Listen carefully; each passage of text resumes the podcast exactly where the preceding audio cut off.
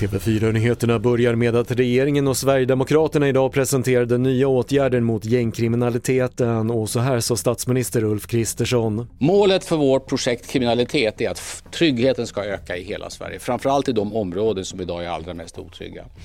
Vi ska förebygga att unga dras in i kriminalitet. Kampen mot organiserad brottslighet står på agendan även när EUs inrikes och justitieministrar träffas i Arlanda stad utanför Stockholm idag. Det här är ett problem som finns i hela unionen och kräver internationellt samarbete menar EU-kommissionären Ylva Johansson. De är allt mer professionella, de är allt mer internationella och de använder allt mer våld. Därför är det nästan omöjligt för ett enskilt land att vinna den kampen. Och skuldberget hos Kronofogden växer till rekordnivåer. Antalet personer som har skulder ökade marginellt i fjol men samtidigt ökade skuldernas storlek till totalt 101 miljarder kronor. Enligt Kronofogden beror en stor del av ökningen främst på de höjda räntorna. Fler nyheter på TV4.se. Jag heter Patrik Lindström.